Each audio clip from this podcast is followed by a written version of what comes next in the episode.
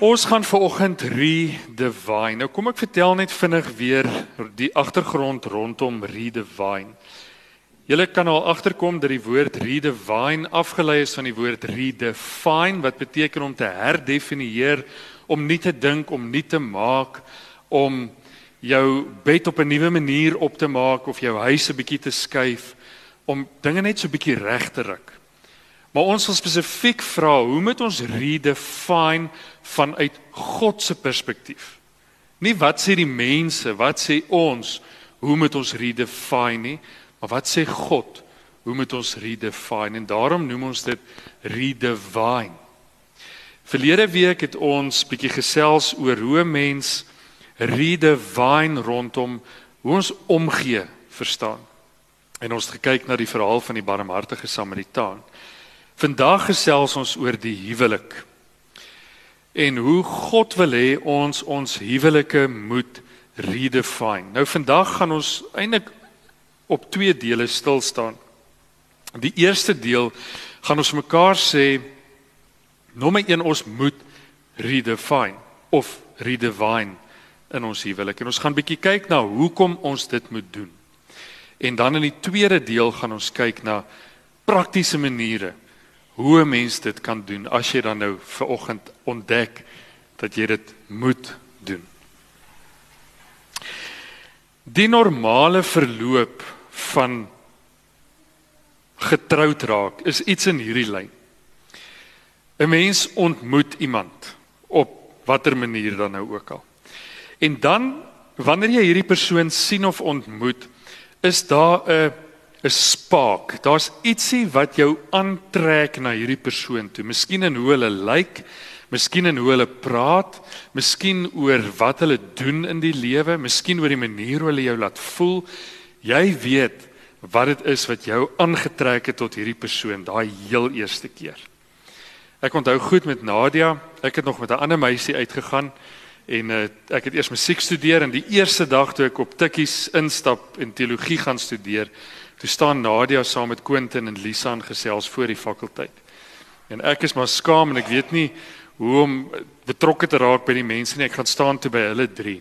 En net in Nadia se attitude oor hoe sy oor dinge voel en die nuwe uitdaging van teologie swat en hoe vriendelik sy is en hoe oulik sy is, het ek daai dag al, nou onthou ek het met 'n ander girl uitgegaan daai tyd.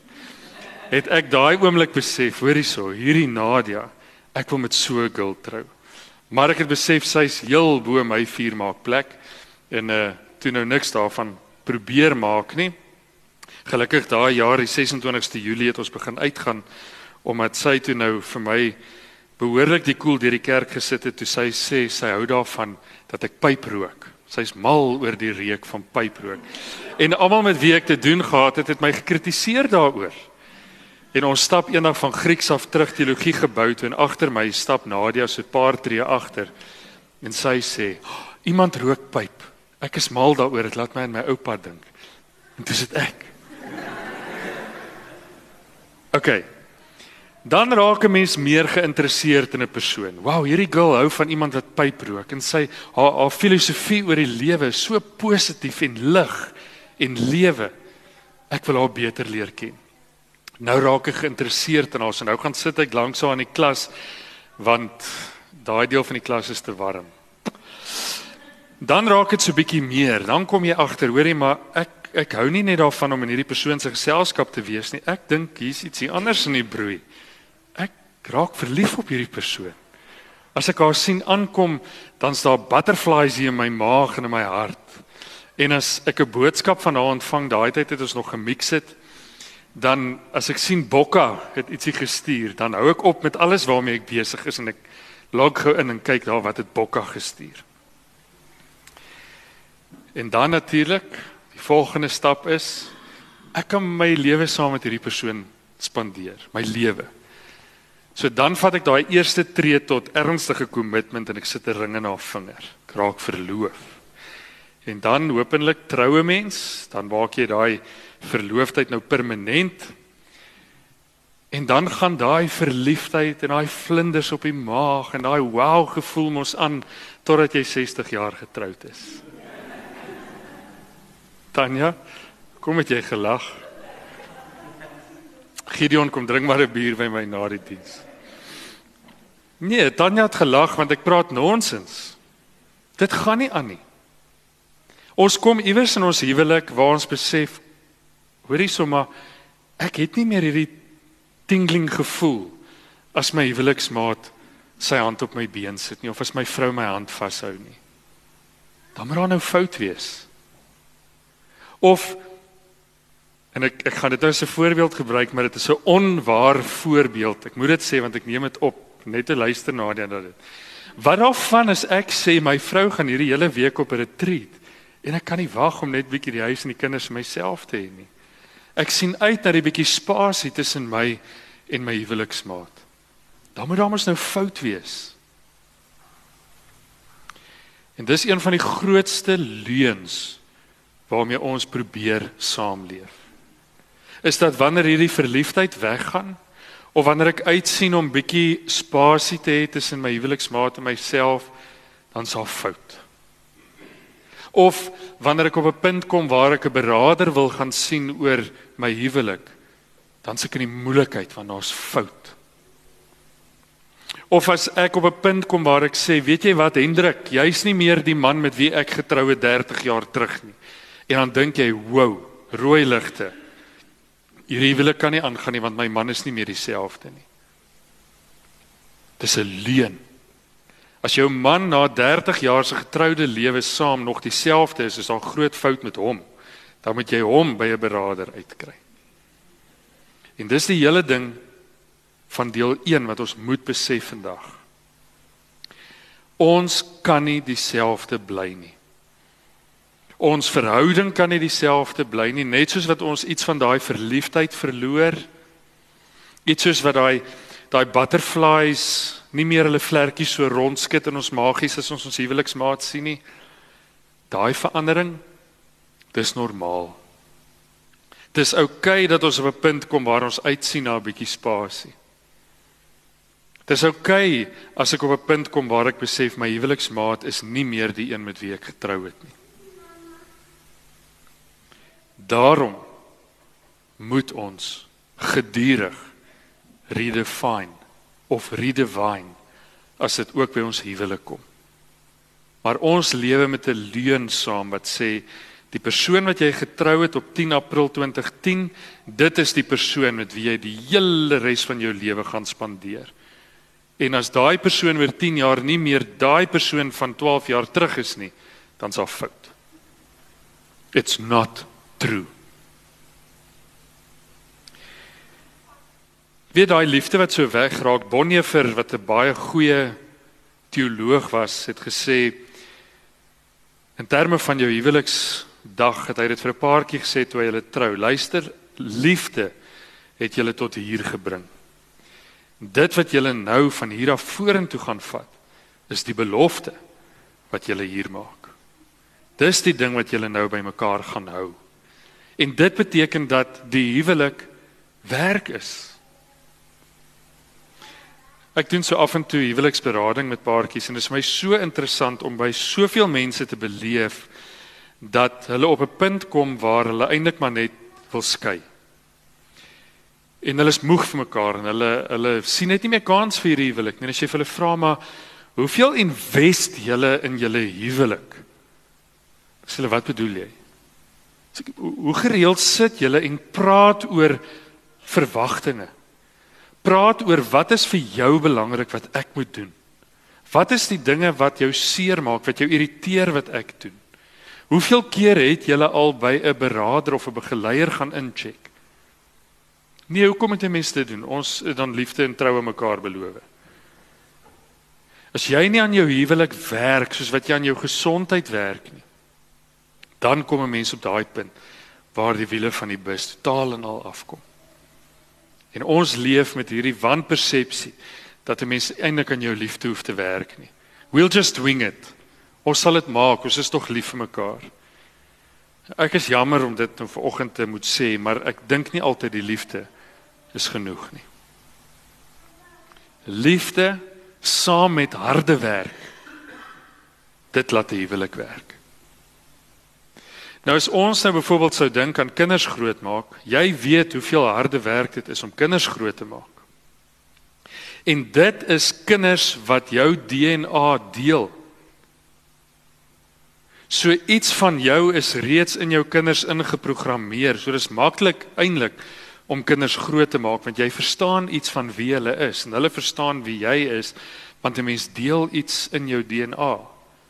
Maar nou onthou nou hoe harde werk dit is. Nou kom jy by 'n huweliksmaat met wie jy geen genetika deel nie.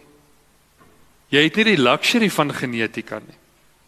So dis twee absolute vreemde pole wat mekaar iewers moet ontmoet.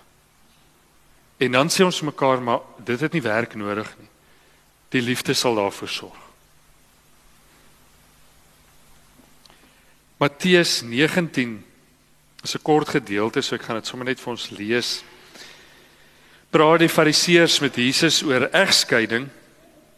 En dan vra hulle nou mag 'n man sommer oor enige ding van sy vrou skei en dan sê hy in vers 4: Het julle nie gelees dat die Skepper, dis nou God, hulle van die begin af man en vrou gemaak het nie?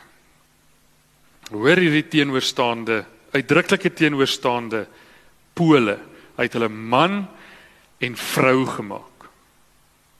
Nou in die Hebreëus man en vrou in terme van teenoorgestelde is in die vorm van die woord.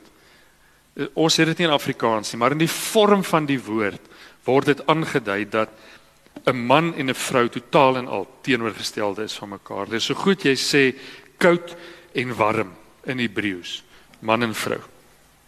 Adam en Adama. Hy het hulle vrou, man en vrou gemaak. Daarby het hy gesê: "Daarom sal 'n man sy vader en moeder verlaat en saam met sy vrou lewe en hulle twee sal een wees." Hulle sal dus nie meer twee nie, maar een wees. Nou ons weet dat hierdie eenheid ook met 'n seksuele verhouding kom. Ons gaan nie vandag oor dit praat nie. Ons gaan vandag praat oor die eenheid wat daar tussen man en vrou kom deur die verloop oor die verloop van 'n leeftyd saam. En 'n mens se hele huwelikslewe is deel van hierdie een word proses. Maar wat dink ons? Die dag as jy daai ringetjie in die vinger steek en jy voor die dominee sê ja, ek doen, dan is ons nou een. Of na jou huweliksnag dan is ons nou een. Surprise surprise. Jy is so ver weg dan van een af soos twee. Maar jou hele huwelikspad is 'n gedurende een word proses. En hierdie een word proses noem ons redefining. So ons gaan nou oor na deel 2 toe. Wat het ek gesê tot op hede? Ons moet ophou om saam te leef met die leuen dat dit net liefde is wat ons by mekaar gaan hou. Dat ons nie hoef te werk in ons huwelik nie. Ons moet ophou leef met die leuen dat ons een geword het die dag wat ons getrou het. Dit is nie so nie. Nou is die vraag Hoe word 'n mens gedurig een? Hoe redefine 'n mens gedurig om een te word? En ek wil dit prakties maak vir oggend deur te verwys na drie rolle wat jy vir jou huweliksmaat moet of kan aanneem om gedurig te redefine, redefine. Hulle sê 'n normale huwelik nou ek vermoed die die gemiddelde huweliksleeftyd is iets sê nou maar tussen 40 en 50 jaar as 'n mens baie oud word. Kom ons sê jy's gemiddeld 40 jaar van jou lewe, kom ons sê 50 jaar van jou lewe getroud. In daai 40 of 50 jaar is die statistiek dat 'n huwelik ten minste 3 keer totaal en al moet redefine. In rekenaarterme moet reiterate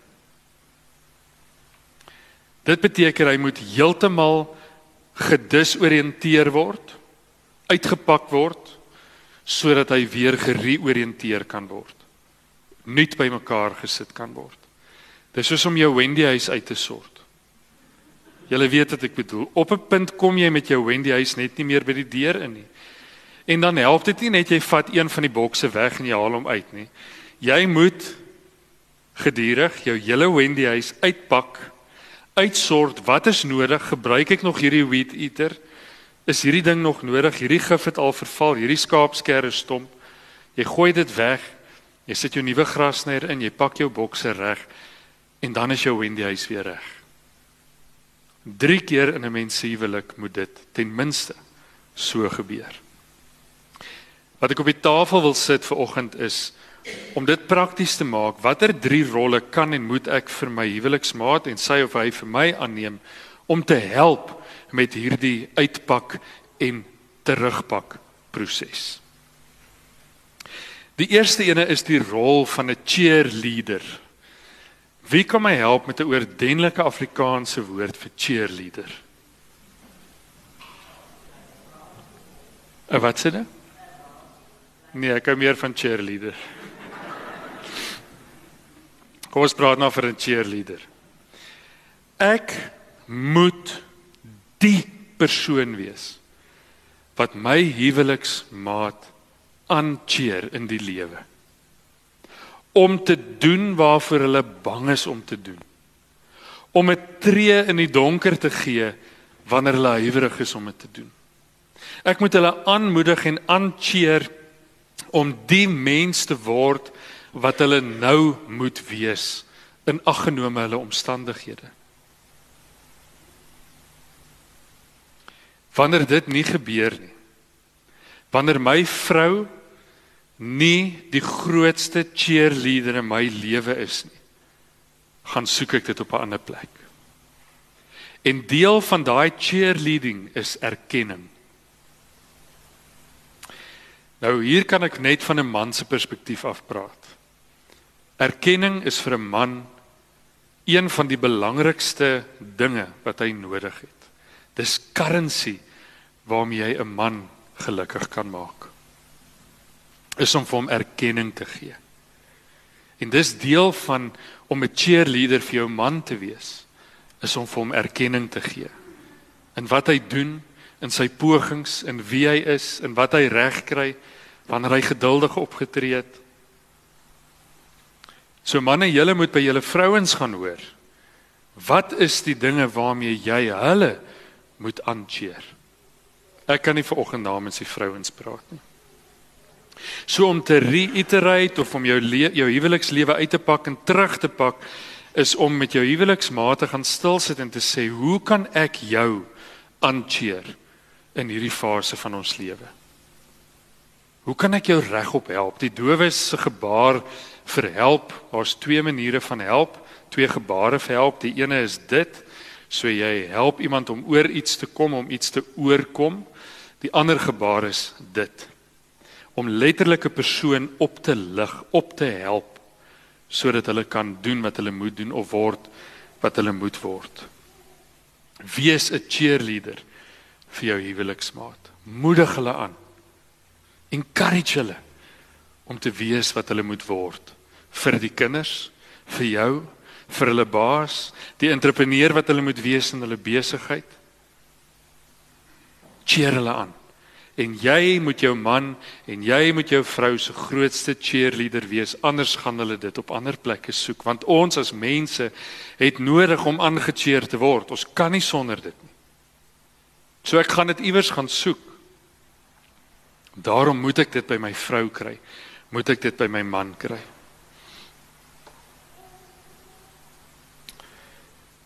sonder om in sielkunde daarvan in te gaan, deel van hierdie erkenning soek as 'n mens dit nie kry nie, is waarom baie mense hulle wend tot pornografie, dwelms, drank, buiteegtelike verhoudings. Sommige ek nie aangecheer word by die een by wie dit die belangrikste is nie. Die tweede rol wat ek moet aanneem is die rol van 'n leerder. En ek wil amper sê dit is vir my een van die moeilike rolle om aan te neem. Ek moet voor my huweliksmaat gaan wees as 'n leerder. Iemand wat honger is om kennis te versamel oor my huweliksmaat. Wat is vir jou belangrik? Wat is die dinge wat jou seermaak? Wat is die dinge wat jou gelukkig maak?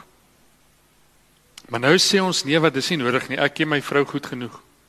Ek weet wat haar gelukkig maak. Ek weet wat haar kwaad maak. Jy gaan verras wees as jy met jou huweliksmaat gaan sit en sê, "Hoorie, so kom ek en jy skryf gou altyd op 'n papiertjie. Wat is vir jou die belangrikste ding wat jy wil bereik in jou lewe?" En ek is oortuig daarvan dat ten minste die helfte van ons gaan die papiertjies verskil. Wat is die ding wat jou gelukkigste maak in jou dag? En ek beloof jou, baie van julle se papiertjies gaan verskil. Ons dink ons weet omdat ons nie wil moeite doen om regtig te gaan uitvind wat is dit wat vir jou belangrik is nie. Wat is dit wat vir jou goed of sleg of seer is nie. So ek moet 'n houding inneem van 'n leerder om gedurig by my vrou te leer. Wat's vir jou belangrik? Wat maak jou gelukkig? Wat maak jou seer? Wat ander mense doen of wat ek doen? Daai tale van die liefde. Wat is jou taal van liefde? Wat is jou taal van seer kry? Wat is jou taal van verwerping? Eerste rol is 'n cheerleader. Ek moet my huweliksmaat aancheer om te word en te wees wie hulle moet wees in die lewe en 'n huwelik as mamma of as pappa. Die tweede een is om 'n leerder te wees. Om my huweliksmaat gedurig nuut te leer ken. Want onthou net soos wat die huwelik moet redefine, so gaan elkeen van ons ook in 'n persoonlike hoedanigheid 'n metamorfose deur gedurig in ons lewe. Ons wat getrek het van Priska af hiernatoe was vir ons 'n redefining oomblik gewees. Ons moes onsself redefine om te kan aanpas hier. Dit het maar geknor in die begin, veral vir my. Na vir Nadia was dit maklik, weet jy hoekom nie. Ek het gesukkel om te redefine om aan te pas. As jy as as man en vrou 5 jaar getroud was en ewe skielik het jy 'n kind. Nou is jy nie meer net 'n man vir jou vrou nie, jy's nou skielik 'n man vir jou vrou en 'n pa van 'n kind. Dis 'n totale redefining wat nodig is. So individueel redefine ek en daarom moet my huweliksmaat voor my kom en kom leer wie is die nuwe ek. Al gebeur dit 20 keer in ons getroude lewe, ek moet gedurig incheck om te hoor, ken ek jou nog? En as ek jou nie ken nie, wil ek leer oor jou. Nou die derde een is ek bang om te noem. Want ek kry nie 'n Afrikaanse woord vir hom nie. Die die minste ehm um, intimiderende of lelike woord wat ek kry vir die Engelse woord is ontbloter.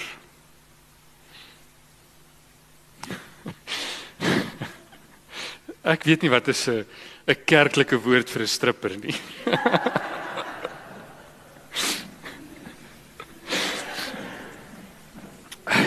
Okay, so nou verstaan julle hoekom die kinders in die saal moet wees vanoggend en hoekom ek nou bloos. So ons gebruik nou maar die woord ontbloter. Dis een ding vir my om te sê, weet jy wat my vrou, ek wil voor jou wees. Tabula rasa en ek wil by jou leer oor wie jy is en wat in jou hart aangaan. Maar as sy nie vir my sê, luister, ek gaan dit eer en myself voor jou neerlê en my hart en my gedagtes en my emosies vir jou ontbloot nie, gaan ons nie groei nie. So dis maklik om na jou huweliksmaat toe te gaan en te sê, weet jy wat, ek wil van jou leer. Ek wil leer wie jy is. Ek wil leer wat is dit nou in Maart 2020 wat jou laat tik? Wat is dit wat jou by die werk gelukkig of ongelukkig maak? Wat is dit wat maak dat jy in die middag geïrriteerd voel? Wat is jou vrese? As ek dit nie gaan toelaat om gesien te word nie. As Nadia na my toe kom en vir my sê ek wil by jou leer oor wie jy is en ek sê vir jou nee, dit gaan goed. Dankie. Dan help dit nie. So in hierdie leerproses het ek net so 'n groter indien nie 'n groter verantwoordelikheid as my huweliksmaat nie. Want ek moet die stap neem om te sê ek gaan my lewe nou bloot lê.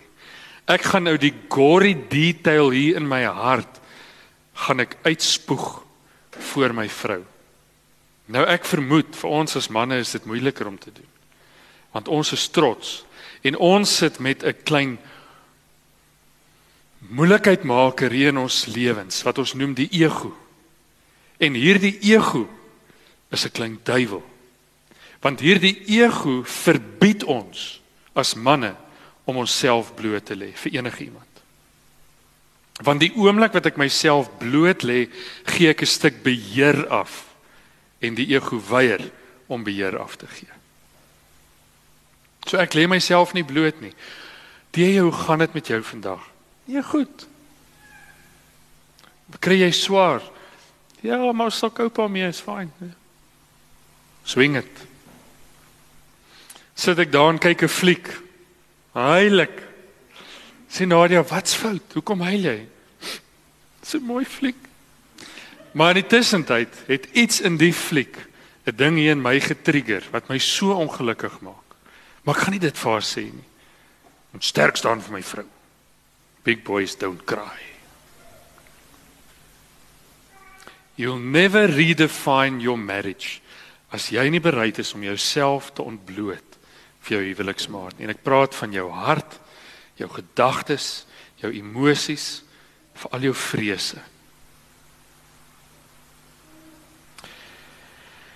Cheerleader, 'n leerder en dan hierdie belangrike ene is om jou hart letterlik net so oop te maak en jou huweliksmaat toe te laat om die goed en die sleg te sien. Nou ek wil uit baie persoonlike ondervinding vir julle sê dat ek oortuig is daarvan dat wanneer 'n man en 'n vrou hulle harte regtig nie terughou nie ten volle ontbloot vir mekaar is dit die oomblik wanneer die huwelik die meeste groei. Ek is oortuig daarvan. Nog nooit, ek meen mense huwelik groei mos nou maar so, né? Nader mekaar bietjie verder, so nog nooit in my en Nadia se grafiek was hy so radikaal op as wanneer ons gaan stil sit het en ons harte ontbloot het vir mekaar nie. En weet jy wat is die wonder van dit? Die oomblik wanneer ek daardie harts en gedagte en emosionele ontbloting voor my vrou of my man gehad het en hulle met my spoel daar 'n nuwe vorm van intimiteit in wat jy nie sal verstaan nie. En dan praat ek nie net van seksuele intimiteit nie. Intimiteit gaan nie net oor seksuele goed nie.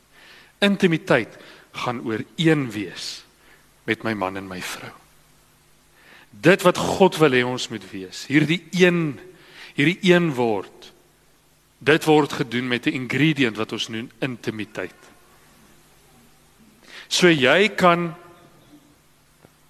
allerhande boeke gaan uitneem en agter jou slaapkamer deur die interessantste goeders probeer om intimiteit te bevorder. As jy nie jou hart kan ontbloot voor jou huweliksmaat nie, gaan dit nie gebeur nie. En hoor nou wat ek sê. As jy jou hart kan ontbloot, gaan jy nie 'n boek nodig hê vir enigiets anders in jou huwelikslewe nie. Want die intimiteit is daai vlammetjie wat alles verder rondom dit aansteek. Ek sluit af omdat dit 10 uur load shedding is. Die vraag is nou, goed, ek hoor, maar dit klink na werk. Ja, dit is werk. As jy nie bereid is om te werk nie, as jy nie bereid is om die cheerleader te word nie, as jy nie bereid is om die leerder te word nie, as jy nie bereid is om moeite te doen en jouself te ontbloot nie, is jy nie bereid om te werk nie. En as jy nie bereid is om te werk in jou huwelik nie, gaan jou huwelik nie werk nie. Gaan jy maar net saam leef met 'n persoon wat dieselfde van as jy het. Where's the fun in that? So hoe maak jy nou as jy dit nog nie in jou hart voel om hierdie dinge te doen nie? Dis 'n belangrike vraag.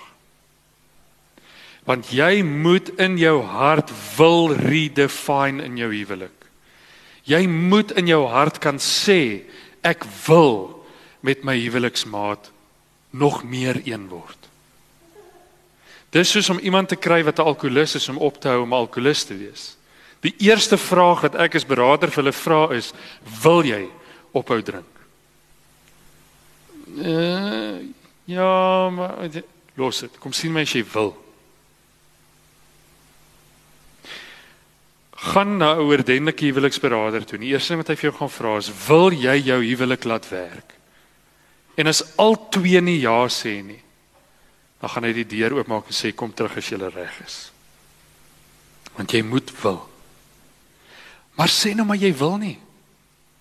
Maar jy besef jy moet. Dan onthou jy hierdie feelings follow actions. Vir een of ander misterieuse, wonderbaarlike manier werk dit met die huwelik. Feelings follow in uh, actions. As ek dit nog nie in my hart voel om my vrou hartstogtelik lief te hê met my hele wese nie. Dan kan ek begin deur vir haar te wys dat ek vir haar lief is. Deur vir haar erkenning te gee. Deur vir haar 'n cheerleader of 'n leerder of 'n ontbloter te word. Al voel ek dit nog nie in my hart nie. Daai gevoel sal kom want feelings follow actions. En ek het dit soveel, soveel keer in my kort lewetjie al gesien. Wanneer ek iets wil bereik met iemand, maar ek weet nie hoe om dit te approach nie, dan begin ek hulle net hanteer asof hulle al reeds is wat hulle moet wees. Ek gaan afsluit deur dit te illustreer met 'n verhaaltjie. Ek doen 'n hele paar jaar gelede berading met 'n paartjie en die man is verslaaf aan dobbel. Sy vrou is in die huis die leier. Sy sit nie op die prop nie, hy sit op die prop. En ons kom agter in my en sy sessies dat hy minderwaardig voel omdat hy nie die erkenning kry as die man in die huis nie. Dis daai ego ding. Want kom ons praat maar in die ou taal, sy dra die broek in die huis en ek sê nie Daar my fout dat 'n vroue broek in die huis dra nie. In hulle geval het dit nie gewerk nie, want hy het gevoel hy wil dit doen. En hy het hom toe gewend tot dobbelary. Want hy was suksesvol in dit. So wanneer hy daar was, het hy gevoel hy dra die broek. Toe het ek met sy vrou gepraat en vir haar gesê, weet jy wat? Die oplossing vir sy dobbelary is ongelukkig dat jy vir hom die broek gaan moet gee. Kan jy dit doen? Sy sê ja, ek kan, maar hy wil nie. Hy's he's just not able to do it. Ek weet nie of hy dit sal doen nie. Hoe gaan ek my man kry om die broek in die huis te dra? Om leiding te neem as man en as pappa. En ek onthou toe hierdie ding van feelings follow actions en ek sê vir haar begin hom hanteer asof hy reeds die broek in die huis dra begin hom hanteer asof hy reeds 'n fantastiese man vir jou is en of hy reeds 'n fantastiese pa vir julle dogtertjie is. En of hy reeds 'n man is wat weet hoe om met die huis se finansies te werk. Eer hom daarvoor. Al moet jy in jou binneste so wit lintjie vertel. 2 maande. Toe kom hy na my toe terug. Toe sê hy dankie. Sê waarvoor? Sy ek weet nie hoe nie, maar ek het dit uit my eie reg gekry om op te hou dobbel. Het ons sy dobbel aangespreek? Nee, want jy kan nie. Ons het die wortel gaan soek en sy wortel was in sy huwelik. En nadat sy vrou hom begin hanteer het, die action as iemand wat hy is, alreeds is, al moet hy dit nog word, het hy besef I've got something to live up to. En hy het dit gedoen. En die oomblik toe hy erkenning kry in sy huis as 'n goeie leier, as 'n goeie pappa, was dit nie meer vir hom nodig om dit op 'n ander plek te gaan soek nie. Selfs met die nasies teenoor die Jode. Gaan lees die verhale wat baie van die nasies geskryf het en hulle sal vir jou sê ons het dit teen ons wil gedoen. Gaan luister wat sê baie van die russe nou. Hulle sê vir ons doen dit teen ons wil. Maar ons moet dit doen. Actions. En dan sal jy agterkom hoe meer hulle die action uitvoer van oorlogvoering, van Jode doodmaak, hoe meer begin daai ding in hulle hart ook leef. En die nasie sal vir jou sê, in die begin was dit vir ons moeilik om daai mense op die treine te laai. Maar later het ons dit geniet. Hoekom? Want feelings follow actions. Mag ek en jy dit regkry om ons huwelike gedurig te redefine. Mag ons vandag besef dat dit nodig is dat ons konstant ons huwelik redefine. Dat ons nooit net tevrede sal wees met wie en wat ons nou is nie. Want dis wanneer ons doodgaan in ons binneste. En wanneer ons moet redefine dat ons hierdie rolle sal inneem van 'n cheerleader, 'n leerder en iemand wat met vrymoedigheid voor my vrou gaan staan en vir haar sê ek koop nie. Ek kan nie meer nie. Dis wat in my binneste aangaan. Mag ons mekaar hanteer asof ons reeds is wat ons moet word. Here die huwelik is nie pere koop nie. Die huwelik is moeilik en dit is omdat twee teenpole, 'n man en 'n vrou, twee mense met hulle eie unieke menswees bymekaar gebring is glo ons deur u en bely ons deur u. En hierdie twee mense moet as een mens funksioneer vir die res van hulle lewe.